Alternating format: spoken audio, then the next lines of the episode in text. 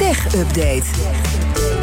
Niet op het strand, maar hier in de studio. Michiel Jurjens, goedemiddag. Goedemiddag Jelle, hallo Kees. Goed dat jij er bent. We hebben het zo meteen over een chatbot van Facebook moederbedrijf Meta... die iets te eerlijk is.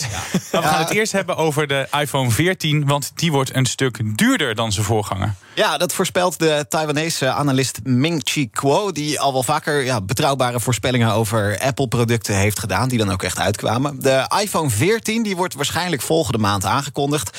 Uiteraard in meerdere varianten. En volgens deze analist wordt die gemiddeld 15% duurder... dan wat nu de nieuwste iPhone is, namelijk de 13. Het zou de eerste prijsstijging zijn sinds 2017 ook. De iPhone 13 Pro, even als we gaan rekenen... die kost nu in de VS 1000 dollar.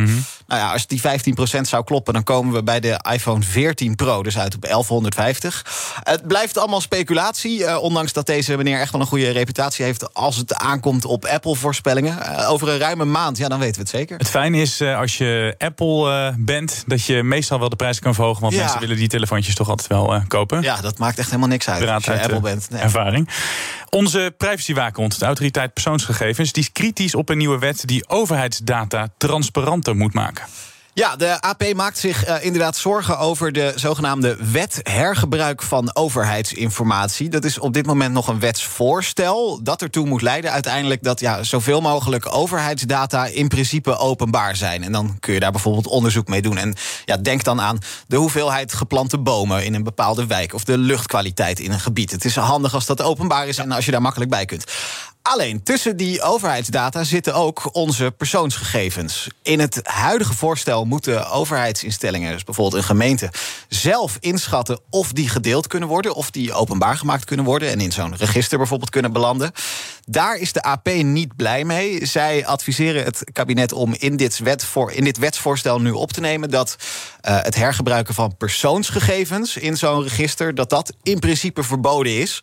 Tenzij er hele goede uitzonderingen zijn. En zij wijzen ook op ja, andere openbare registers, eh, de, de KVK, het kadaster. Ik denk dat iedere ondernemer die luistert, eh, die weet wat die KVK-registratie Ja. aan nou ja, telefoontjes en zo oplevert. Daar word je niet vrolijk van. Kan ik ook weer uit eigen ervaring vertellen.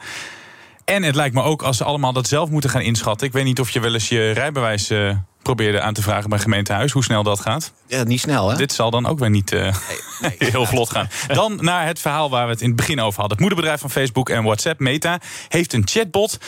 Maar die is iets te eerlijk. Ja, dit is een heel geestig verhaal vandaag bij de BBC. En dit gaat over Blenderbot Free. Dat is een ja, chatbot die Meta op dit moment aan het testen is.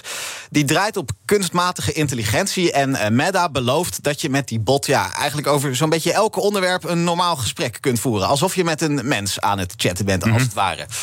Nou, dat ga je natuurlijk testen als zij dat beloven. Dus vroeg de BBC aan Blenderbot... wat vind je eigenlijk van de eindbaas van Meta, Mark Zuckerberg? Wat vind je daarvan? En het antwoord was verrassend. Well, our country is divided, and he didn't help that at all. He did a terrible job at testifying before Congress. It makes me concerned about our country. Oei. Ja, ja. Dus, Dat dus, is niet iets wat je wil als, Nee. als, als eh, Meta. nee, dus de, de bot van Meta zelf zegt dus dat Mark Zuckerberg en Facebook hebben bijgedragen aan de verdeeldheid in Amerika. Ik denk dat Blenderbot daar ook wel, Blenderbot daar ook wel gelijk in heeft. Ehm, maar, eh, dachten ze bij de BBC, dit is interessant. We stoken het vuurtje even verder op. En de BBC vroeg de bot wat hij nog meer van Zuckerberg vindt. His company exploits people for money, and he doesn't care. It needs to stop. het is voor ons heel leuk, voor de BBC is het leuk. Maar je vraagt je af, hoe kan dit in hemelsnaam? Ja, die bot die verzamelt dus ja, met een algoritme data uit een heleboel tekst. Eigenlijk afkomstig van wat echte mensen op internet zetten eh, en zeggen. En ja, er zijn heel veel mensen die hebben deze mening over, over Zuckerberg. Het is ook niet helemaal onzin wat Blenderbot zegt. Nee. Ehm, maar ja, dan kun je dus dit soort antwoorden krijgen, omdat ehm, ja, die bot dat verzamelt uit wat mensen op internet allemaal zeggen.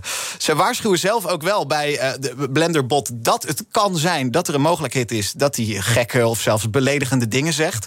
Eh, als je zelf met hem wil praten, trouwens, moet je even geduld hebben, want dit werkt alleen in de VS voorlopig deze beta. Maar Wat zou Zuckerberg er zelf eh, van vinden? Hij wordt wel eens de robot zelf genoemd. ja, ja, ik weet het niet. Ja, die, die zal het toch een beetje van zich af moeten laten eh, glijden. En die zal dan zeggen: ja, dit hoort erbij. We zijn het aan het testen. Ja. Ja, maar ik denk toch niet dat hij het leuk vindt. Nee, dat- Stel dat wij hier een bot hebben en je vraagt... eh, wat vind je van Mireille van Ark, van onze hoofdredacteur... en dan komen dit soort antwoorden uit. Ik denk niet dat ze het leuk zou vinden. Dat is toch sowieso vaak een probleem bij eh, van die chatbots, van die leren van gesprekken. Ja. Want Microsoft, die herinner ik me nog, die had een paar jaar geleden een chatbot.